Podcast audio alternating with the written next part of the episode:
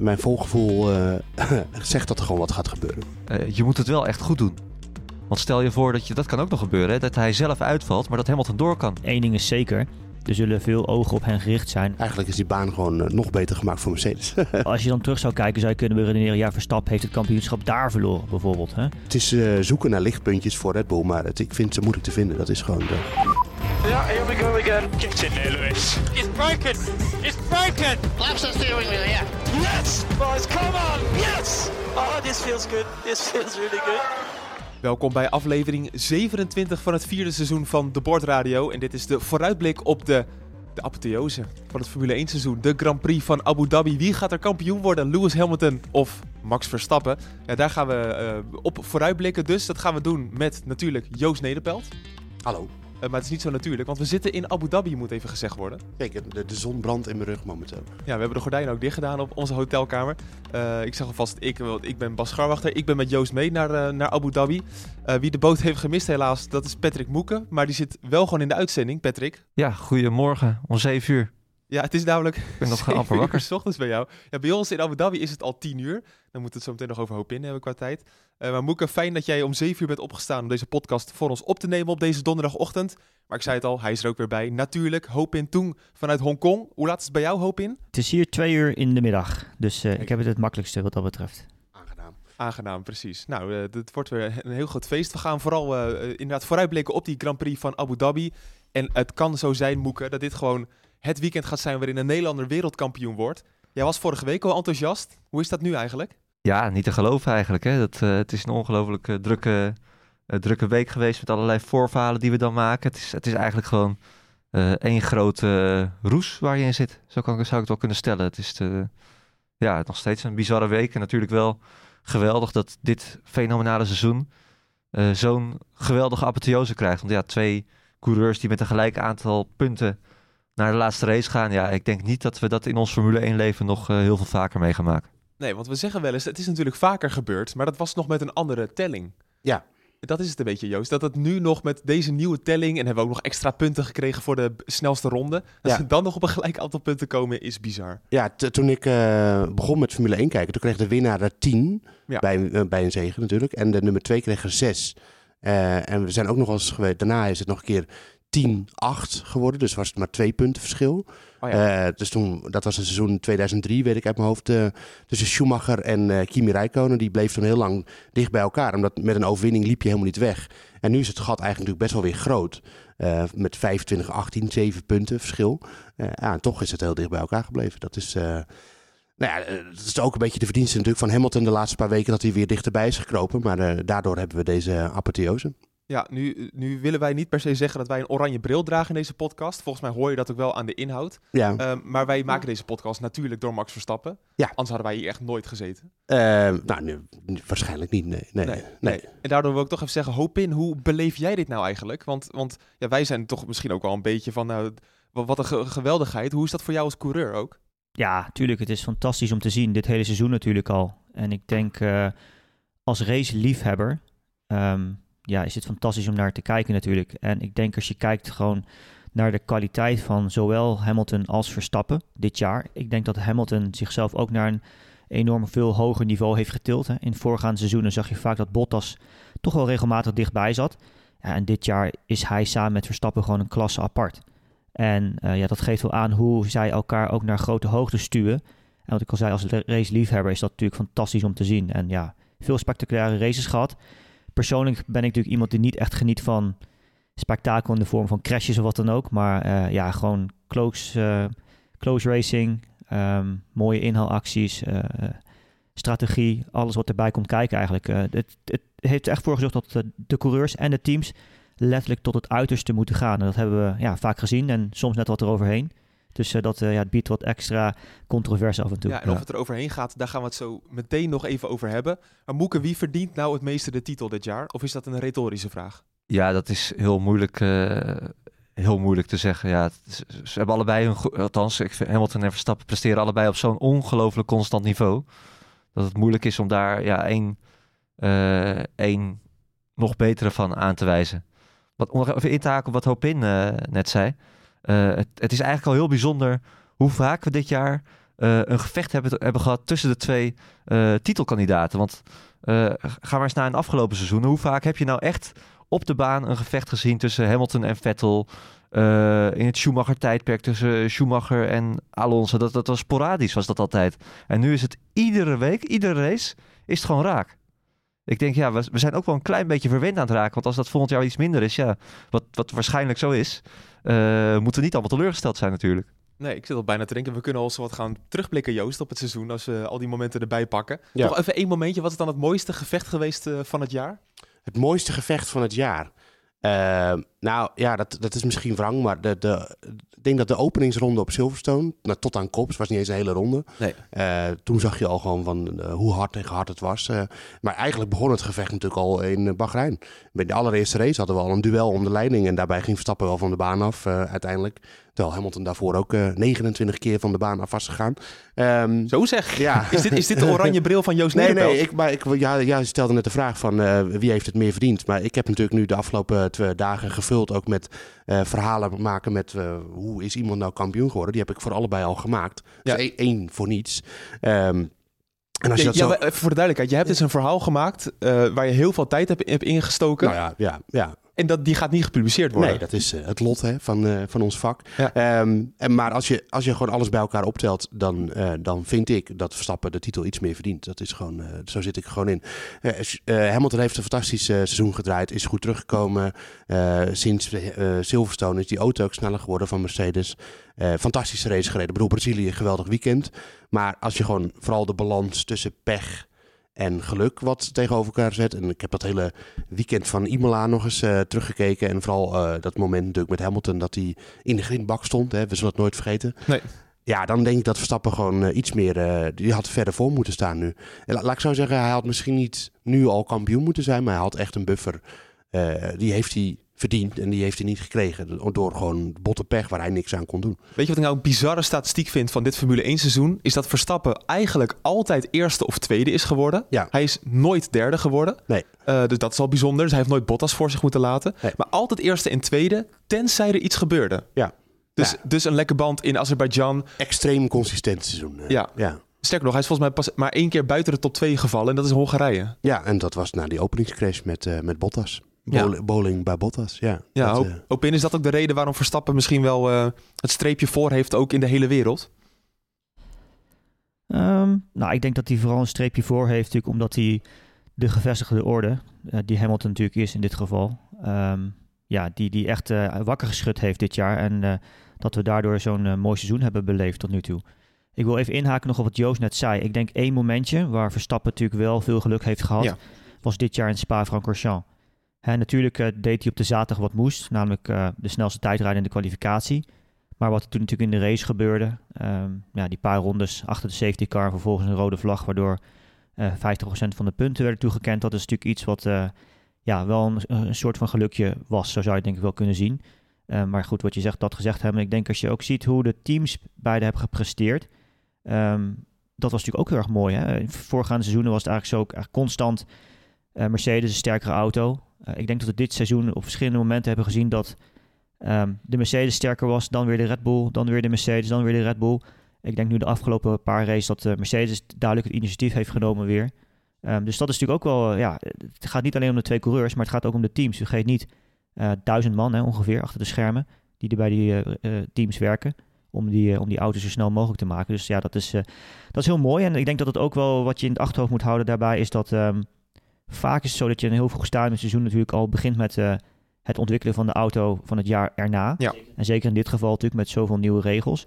Dus ja, dat wordt ook nog afwachten van uh, wat voor een invloed deze lange titelstrijd gaat hebben op, uh, op volgend seizoen. Ja, want dat is natuurlijk bij de teams. ook een beetje zo. Kijk, we hebben het over de, de ontwikkeling van de coureurs. Um, maar de ontwikkeling van de auto is natuurlijk ook heel belangrijk. We hebben eigenlijk in het seizoen gezien dat, dat Verstappen en Red Bull een, uh, een 1-0 voorsprong hadden in uh, Bahrein. Ook al wonnen ze die race niet. Ja. Maar ze lieten daar zien dat ze daar absolute, absolute snelheid hadden. Ja. Onder andere in de kwalificatie. Ja. Maar Joost, als je dan kijkt naar het seizoen. Wie heeft nou de meeste progressie geboekt? Ja, Mercedes.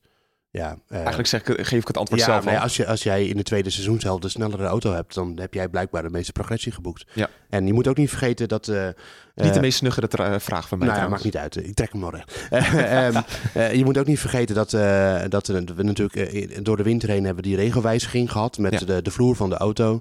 Um, nou ja, er waren twee auto's in 2020 heel snel. De, de Aston Martin, toen nog de Racing Point en de Mercedes.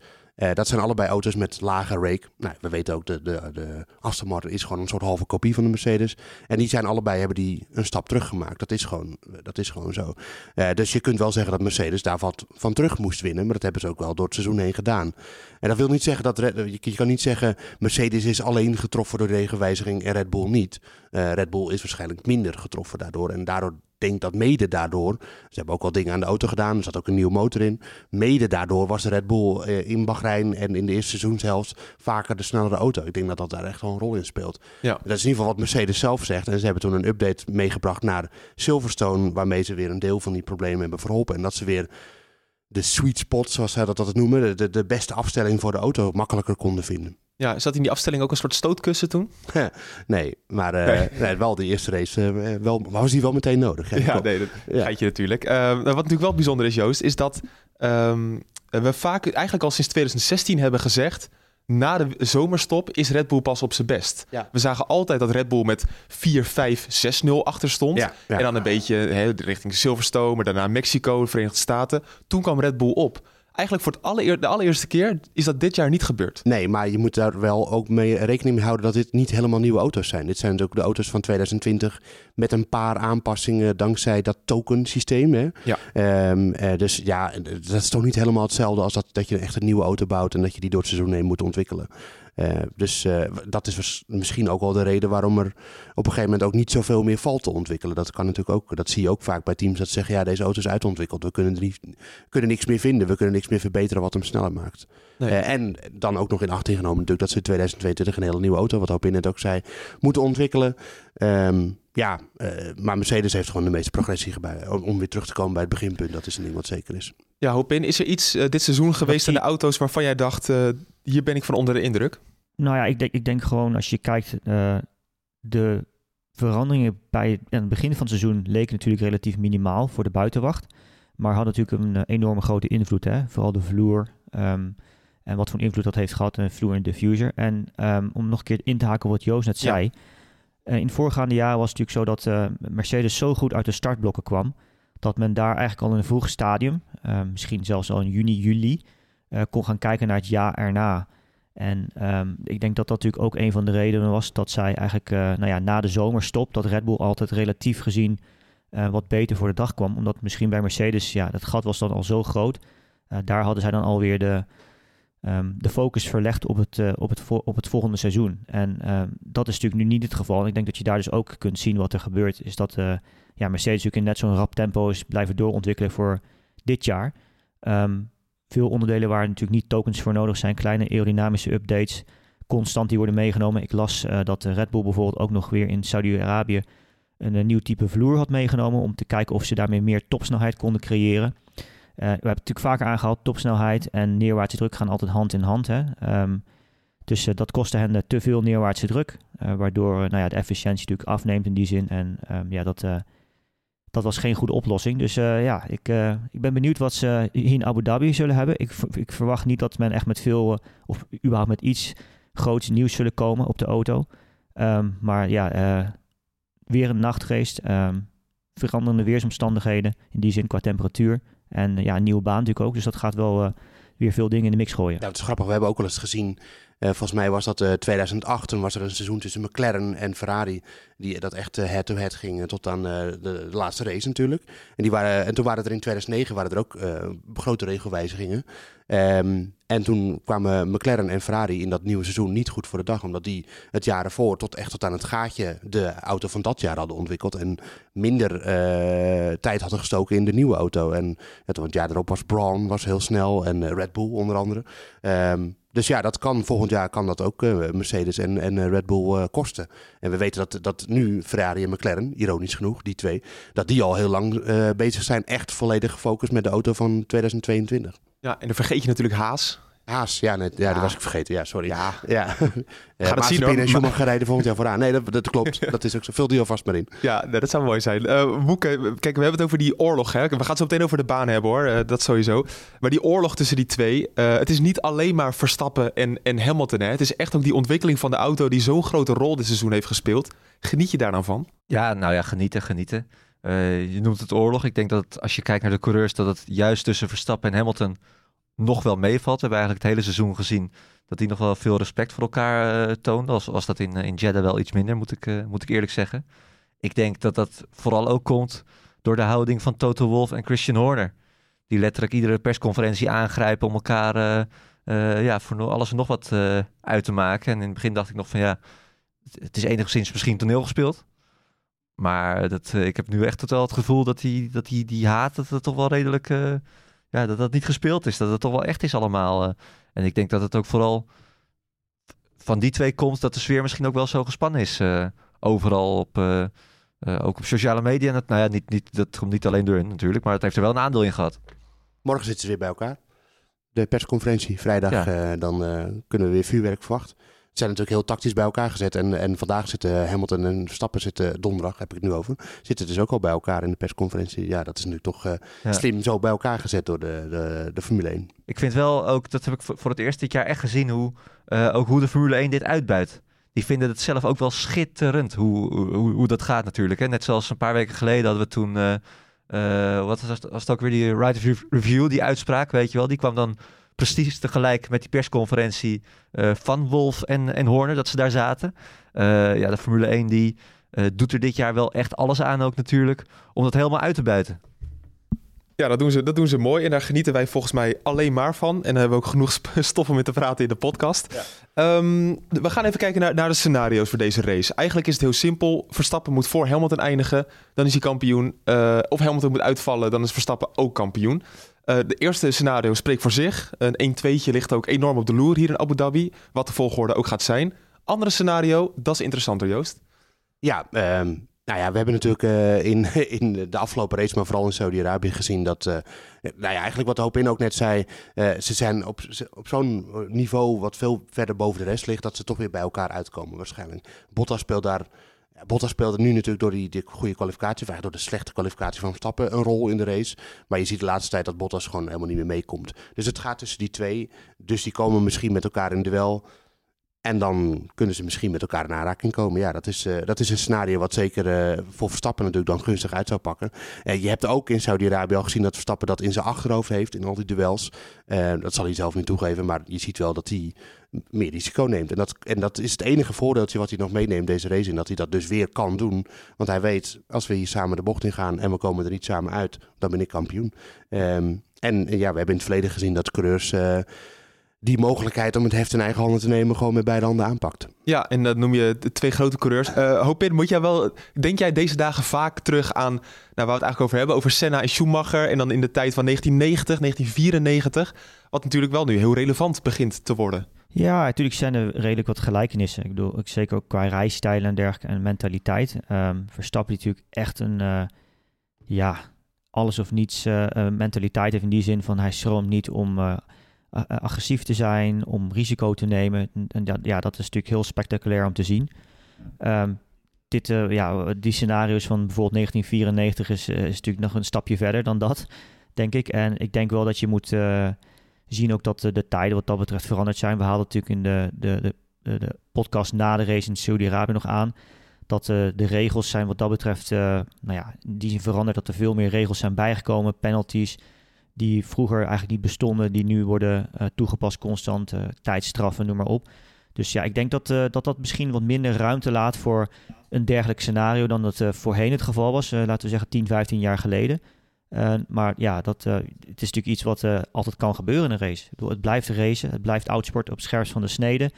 En als je kijkt naar de circuit layout ook, ja, dat, dat- ik wil niet zeggen dat het leent zich er wel voor, maar er zijn veel, er komen punten bij, denk ik, waar je kunt inhalen. Ja, en bij zulke punten eh, kan natuurlijk altijd wat gebeuren.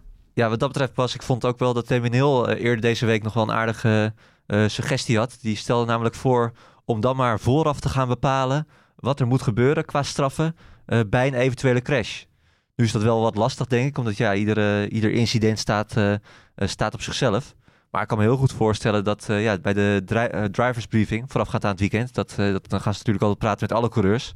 Maar dat Verstappen en Hamilton nog wel even apart zullen worden genomen. om dan maar even te gaan overleggen van jongens, dit en dat is toegestaan, we gaan er bovenop zitten. En let een beetje op. Ja, en Damon Hill kan het natuurlijk als ervaringsdeskundige zeggen. Die was zelf het slachtoffer in 1994 na een, na een actie van uh, Michael Schumacher. Want we zeiden net al een beetje, ja, je weet nog wel 1990 en zo. Toch een klein geschiedenislesje voor de mensen die pas de afgelopen jaren in de Formule 1 zitten. Moeten we dan terug naar 89, Senna en Prost? Ja, nou ja, die haal jij er steeds bij, maar die past er niet echt bij. Uh, toen reden Senna, Senna, en Prost tegen elkaar in uh, Suzuka. Ja. Um, maar dat was een andere situatie. Dat, het gaat vooral om 1990. Uh, 1990 uh, was het ook tussen uh, Senna en Prost. Prost was inmiddels bij Ferrari gaan rijden. Um, en in de voorlaatste Grand Prix in Japan uh, wist Senna... als, ik, als Prost niet finish, ben ik wereldkampioen. Een soort van Verstappen en Hamilton. Ja, nou, bijna dezelfde situatie. Niet helemaal, maar wel bijna. En toen was er ook heel veel gedoe. Senna en de FIA, dat was sowieso altijd al oorlog. Want de, de topman van de FIA, Jean-Marie Balestre, was een Fransman. Prost was ook een Fransman. Senna voelde zich altijd benadeeld. Werd ook wel vaak benadeeld door de FIA. Uh, en toen was er op zaterdag een hele discussie over dat de pole position op de verkeerde kant leg, lag uh, in uh, Suzuka. daar was Senna heel boos over. Maar Want de verkeerde kant is op het vel? Ja, ja nou, het ging vooral volgens mij om de positie richting de eerste bocht. Of zo. Dat weet ik niet per se het fijne van. Maar, maar het, de binnen, binnenkant had hij.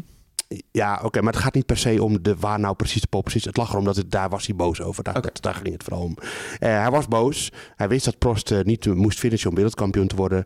Uh, ze rijden op de eerste bocht af. Prost ligt aan kop. En Senna die, nou ja, die remt eigenlijk nauwelijks. Duikt, duikt een gat in wat er niet is. Al zei hij achteraf van wel. en ze belanden samen in de grimbak. En, en Senna was wereldkampioen. Ja. Daarvan is de bekende quote van, uh, van Senna. Uh, dat zei in de aflopen van... If you no longer go for a gap that exists... you're no longer a racing driver. Dat is een bekende quote van Senna. Dat gaat over dat incident. Hij zei toen van ja, als je niet voor een gat gaat... dat er wel is, nou ja, goed, dan ben je geen coureur. Die quote is wel echt uh, vreselijk uitgebuit de laatste jaren, hoor, moet ik eerlijk zeggen. Want op een gegeven ja, moment... zeker. Ieder, ieder, ieder, ieder, iedere dubieuze actie waarbij een coureur in de, met zijn voorvleugel tegen de andere, achterkant van de andere coureur aan, uh, aanrijdt, wordt die quote erbij gehaald, weet je wel. Ja, dat, dat is ook een beetje, een gimmick tegenwoordig natuurlijk. Hè. Dat, ja, is, ook, is meer voor de grap. Afijn, fast forward 94. Um, uh, eigenlijk zelfs, dat was wel de laatste race. En toen lag Schumacher had volgens mij één punt voorsprong op, op Hill. en ehm, Schumacher lag aan kop van de race in de Benetton destijds, Hill in de Williams. Schumacher was langzamer en Hill, Hill kwam dichterbij. We, we waren in Adelaide, hè? In Australië. Australië, ja. ja. en Schumacher ging even van de baan af. Uh, kwam daarna de baan weer op. Uh, en die, de volgende bocht was naar rechts. Uh, hij liet een gat aan de binnenkant. Daar dook heel in. En toen gooide Schumacher resoluut de deur dicht. En uh, belandde zelf in de bandenstapels en heel reed door. Maar uh, in de pits bleek dat zijn voorwielophanging links door die klap uh, was verbogen. En dat hij dus niet door kon rijden. vielen allebei uit en Schumacher was kampioen. Dat was de situatie in 94. En dan 97, als we hem dan gelijk even rond kunnen maken. We wat... zijn op geschiedenisles bij Joost Nederveld. Wil je wat zeggen tussendoor hoop in Ja, ja, ja Schumacher, één ding nog bij in Adelaide.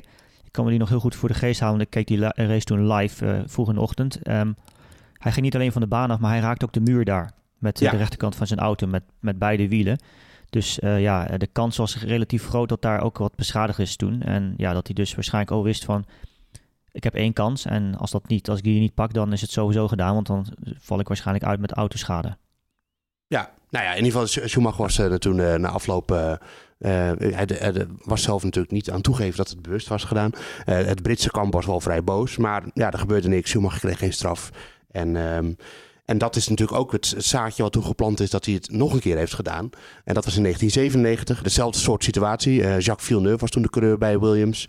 Uh, Schumacher reed inmiddels bij Ferrari, was op Jerez de la Frontera, laatste race. En toen lag Schumacher ook aan de leiding. En die wist ook dat als Villeneuve niet finisht, uh, als we er beide afgaan, dan ben ik wereldkampioen. En uh, Villeneuve kwam steeds dichterbij, zette de aanval in aan de rechterkant van Schumacher. Schumacher gooide nu veel te laat, nog later dan bij Hill, de deur dicht. dus hij raakte met zijn rechtervoorwiel de sidepot ook van, van Villeneuve, dus helemaal niet eens meer zijn voorwiel. En ging er zelf af. Schumacher belandde in de grindbak. En Villeneuve kon doorrijden en die, en die werd uiteindelijk wereldkampioen. Ja. En nu is mijn quizvraag aan, uh, nou ik denk niet dat je hem weet, maar uh, Hopin of Patrick weten hem wel. Ja, bedankt wie, hè. Wie won uiteindelijk de race in uh, 1997? Oeh. Oh, het blijft heel lang stil. Hebben ze ons gehoord eigenlijk?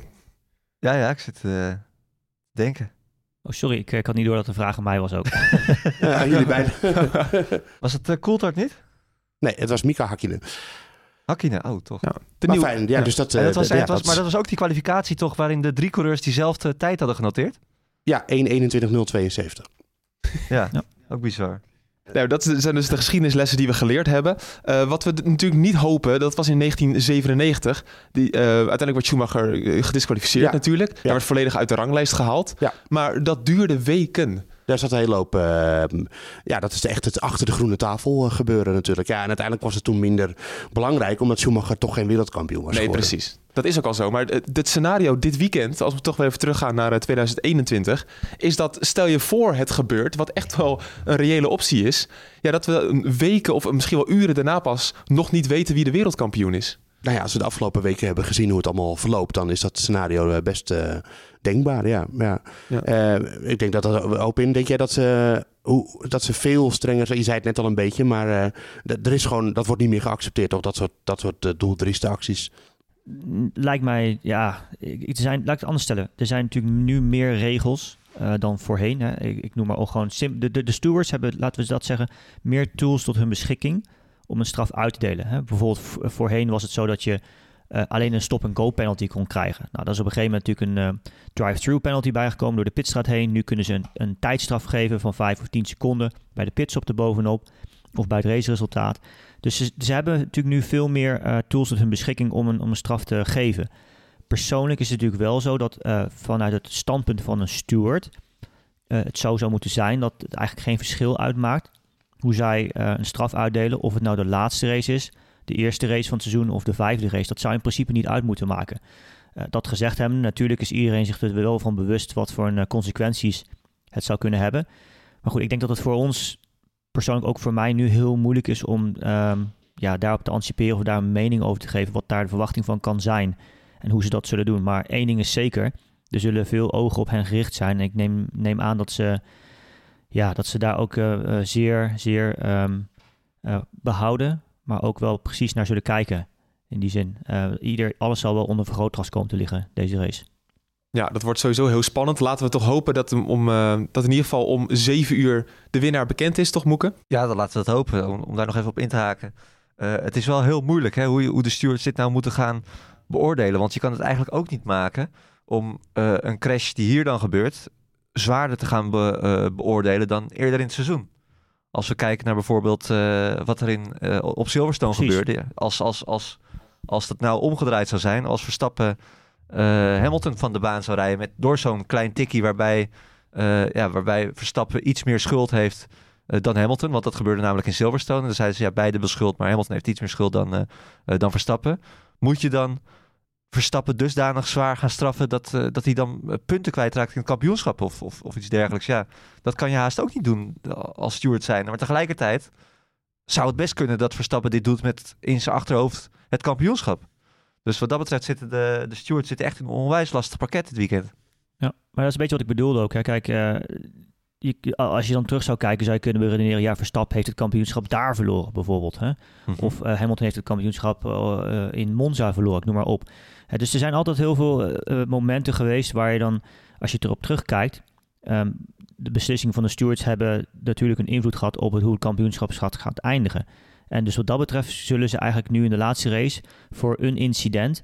eh, op die manier er relatief neutraal naar moeten kijken. En in lijn met wat er in het verleden is besloten, ook een beslissing nemen. In deze race kun je wat dat betreft niet echt anders eh, beoordelen of een andere straf uitdelen dan, eh, zoals je zegt, Silverstone, dan Monza, dan Brazilië, noem maar op. Nou, we gaan zien hoe dit, dit in ieder geval allemaal gaat eh, verlopen. Ehm, als we kijken naar de baan in Abu Dhabi, zou ik bijna kunnen zeggen, waar kan het gebeuren? Eh, maar dat gaan we niet doen, want eh, de baan is wel flink aangepast, Joost. Wij moeten de baan nog op. Dus wij hebben het nog niet met eigen ogen kunnen zien vandaag. Nee. Ehm, maar wat zijn nou de grootste veranderingen aan de baan waar jij enthousiast van wordt? Nou, er, zijn, er zaten twee van die chicanes in eh, voor het eerste recht, lange rechte stuk van Abu Dhabi En ehm, na het laatste rechtstuk van Abu Dhabi, uh, die chicanes die zijn veranderd in best wel ruime hairpins. Ja. Uh, waar je ook verschillende lijnen doorheen kan rijden. Uh, ik denk dat dat een mooie aanpassing is. We moeten het nog zien. We gaan morgen, morgen wordt er pas gereden vrijdag. Ik denk dat dat een mooie aanpassing is. En de, de slotsector um, onder het hotel door, die hoekige bochten allemaal, die zijn allemaal wat vloeiender gemaakt. dat is meer als met het doel dat je wat dichter achter elkaar kan blijven rijden. Zijn wat, wat sneller geworden die bochten. Um, en ja, ik denk dat het circuit op papier lijkt het mij beter in ieder geval wat er is gebeurd. Maar in de praktijk, dat moet zich dit weekend uitwijzen. Ja, dus natuurlijk wel een beetje de vraag van... Kijk, de, de baan is 14 seconden sneller geworden. Denken ze, ja. Denken ze. Dat is een beetje de, de verwachting vanuit de simulator. Uh, Hopin, wat doet dat nou eigenlijk met, met de afstellingen van de auto? Want als het zoveel sneller is geworden... gaan we ook een hele andere auto zien in vergelijking met afgelopen jaar. Ja, absoluut. als je kijkt natuurlijk in het verleden... Um, was het een baan waar tractie een stuk belangrijker was... dan dat het misschien nu zal zijn... Ja. En natuurlijk is het nog steeds zo dat je goede tractie nodig hebt uit bijvoorbeeld uh, bocht 6 um, ehm, voor dat tweede rechte stuk. Um, maar als een bocht natuurlijk wat sneller wordt, zoals nu de nieuwe bocht 5 eigenlijk, hè, uh, dat is overigens geen nieuw stuk baan. Dat, dat stuk baan lag er al. Maar voorheen was het in begin je linksaf die chicane door. En nu ga je in principe gewoon rechtdoor richting, uh, richting wat voorheen de oude herpenis, die is dus nu erbij getrokken, is nu ruimer geworden. Um, ja, tractie is daar natuurlijk iets minder um, kritiek. Uh, ik denk dat bocht 9 een, een mooie toevoeging is. Um, de nieuwe bocht 9 moet ik zeggen. In plaats van die, die langzame chicanes met de baan die daar eigenlijk een soort van wegviel bij je. Zo, zo omschrijf ik het zelf altijd liefste. Het um, off-camber bochten, zoals het uh, in uh, wat technische termen wordt genoemd.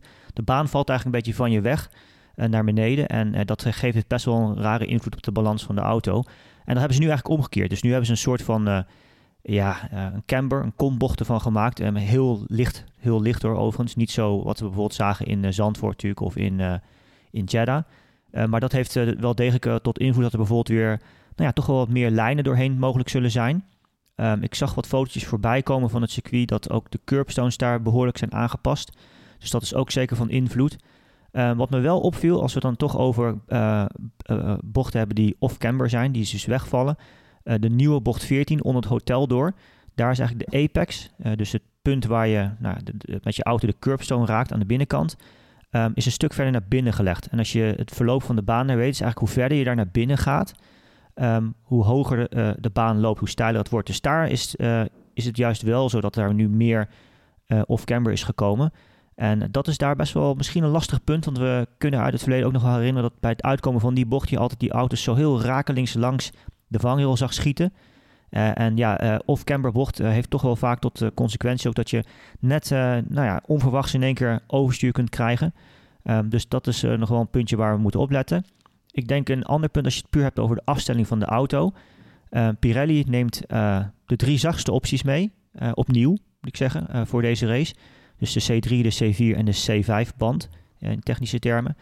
Um, nou is het op zich een circuit wat, uh, ja, uh, het asfalt is weer heel erg fijn. Um, relatief weinig slijtage voor banden, weinig, weinig energie, weinig, niet echt grof.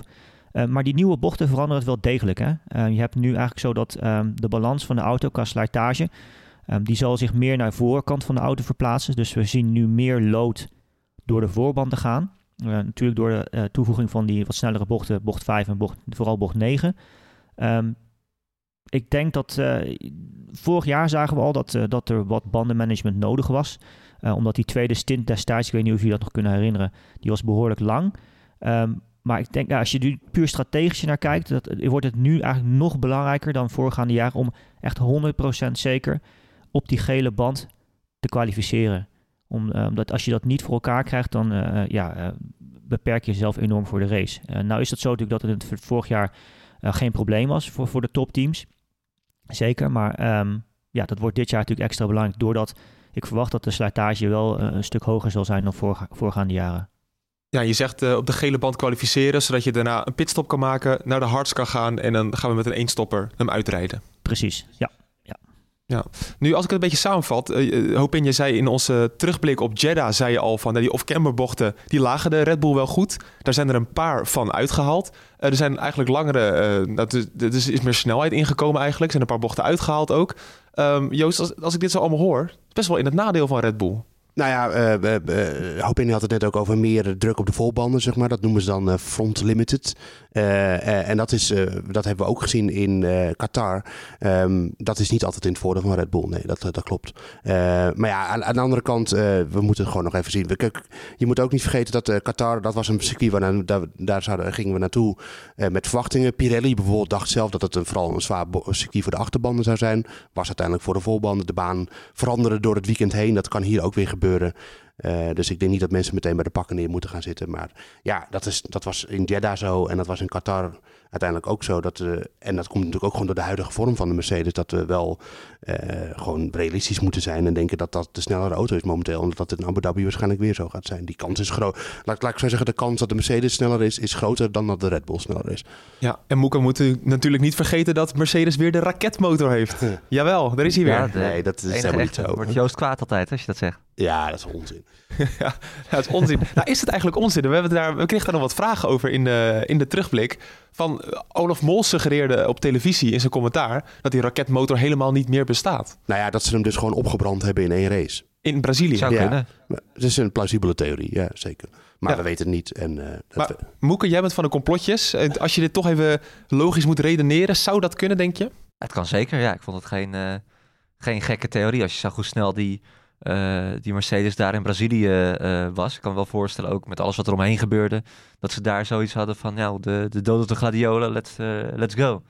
Aan de andere kant, ja, het, het, het, het, zou wel uniek zijn, denk ik. Ik heb, het, heb ik nog niet, zeker in het, in het, in het hybride tijdperk, nog niet eerder gezien dat ze het echt puur voor één race zouden doen om een motor helemaal standje maximaal en, en let's go.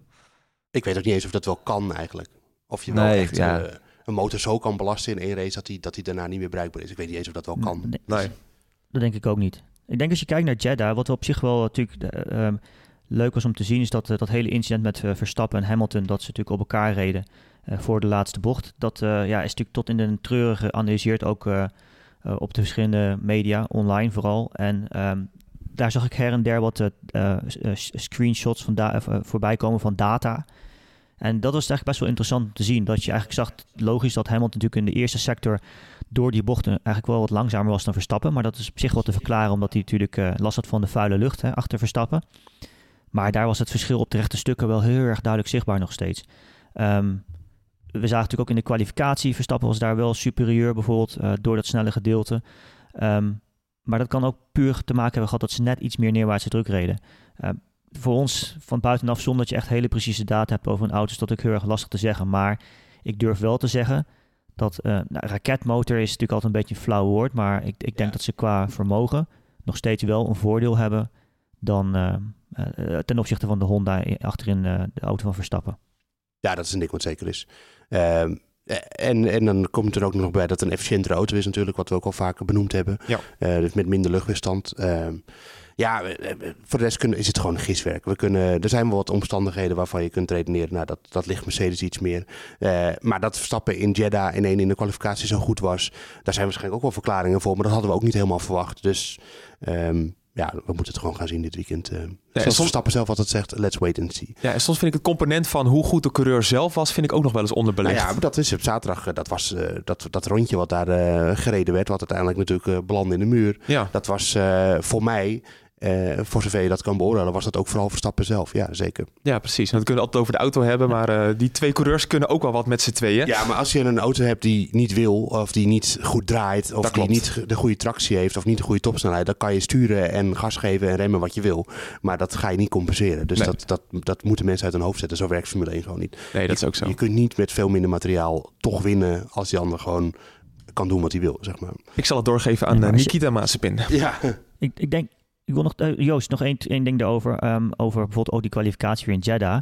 Um, ja. Dit is natuurlijk qua asfalt en dergelijke is het wel, uh, ik wil niet zeggen vergelijkbaar, maar het, het, heeft wel enigszins iets van weg. Hè? Uh, het heel fijn, fijn low micro, low macro, zoals we dat noemen, technisch. Ja. Fijn asfalt, weinig um, nou, grof slijtage voor, voor de band. En daardoor ook in de kwalificatie wat moeilijker om die band, vooral de voorband, natuurlijk weer op temperatuur te krijgen. Maar doordat die baan nu zo veranderd is als die is veranderd, met de snellere bochten erin, uh, wordt dat wel een minder een probleem dan dat het voorheen was. Dus uh, ja, dat, dat voordeel, als je het zo zou willen zeggen, wat, wat Verstappen zichzelf daar wist te creëren, ehm, is ook wel iets minder eh, van toepassing hier daardoor. Ehm, daarnaast ehm, de Red Bull sinds jaren dag natuurlijk, of andersom moet ik zeggen, de Mercedes sinds jaren dag altijd een relatief lange wielbasis. Die had natuurlijk altijd wel iets lastiger in die, korte draaibochtjes onder dat eh, hotel door. Dus dat de radius daar van de bocht, eh, al is het heel lichtjes, iets vergroot is. Dat, eh, ja, hoe je het ook bent of verkeerd, dat is gewoon, dan komen we weer terug bij natuurkunde. Eh, dat is voor een auto, eh, ja, voor hen auto gewoon iets beter. Ja. Dus eh, eigenlijk is die baan gewoon nog beter gemaakt voor Mercedes.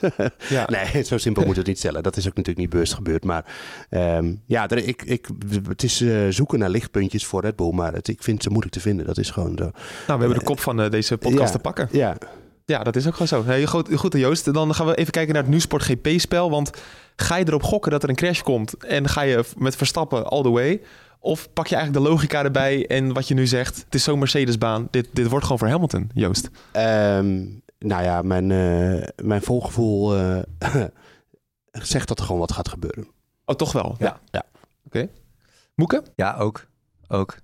Kijk, ik denk dat als je kijkt naar wat er in, wat er in Jeddah gebeurde, hoe Verstappen erin staat.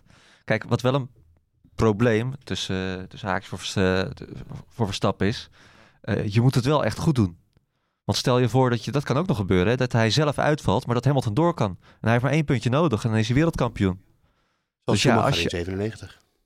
Nou ja, precies. Dus als, als, als Verstappen het in zijn hoofd haalt, waarvan ik denk dat hij dat absoluut niet voor de race plant, maar dat het nog steeds wel op basis van, ja, van het moment gebeurt. eh, ja, je moet het toch wel een beetje met overtuiging doen, want anders dan heeft het geen zin.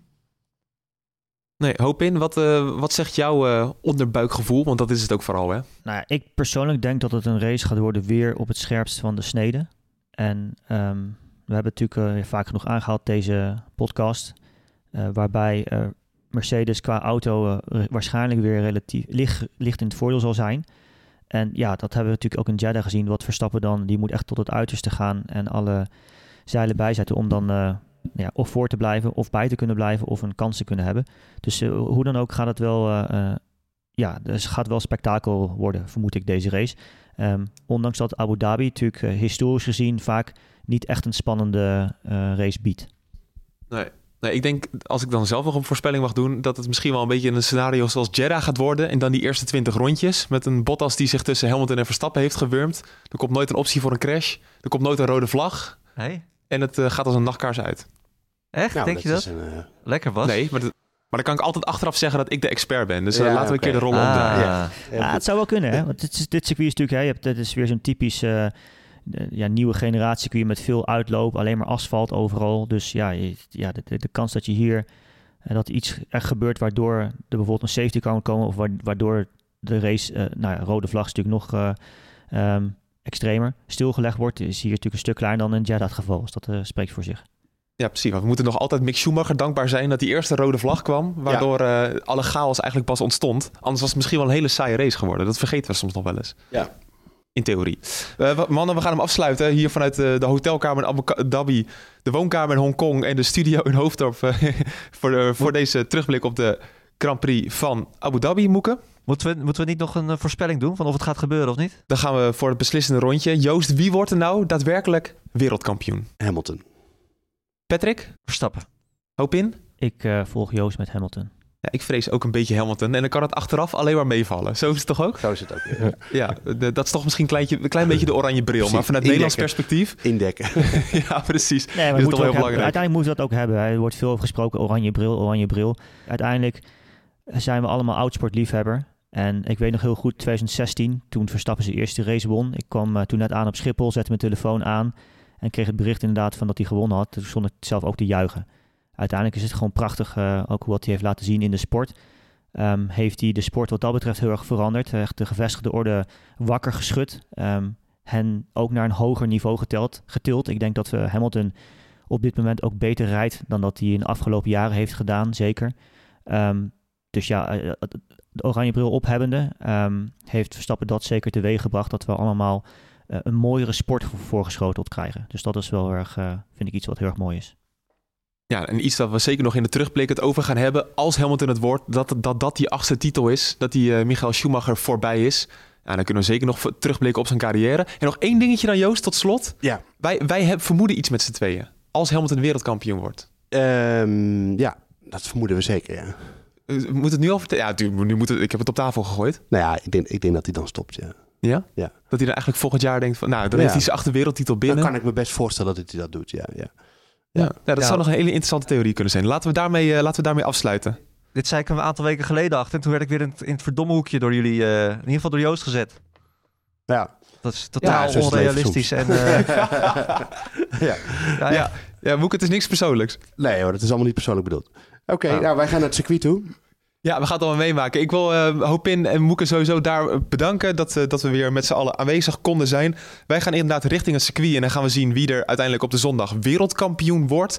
Eh, en dan komen we eh, zondagavond of maandag weer met een, met een terugblik. Dat eh, gaat allemaal goed komen.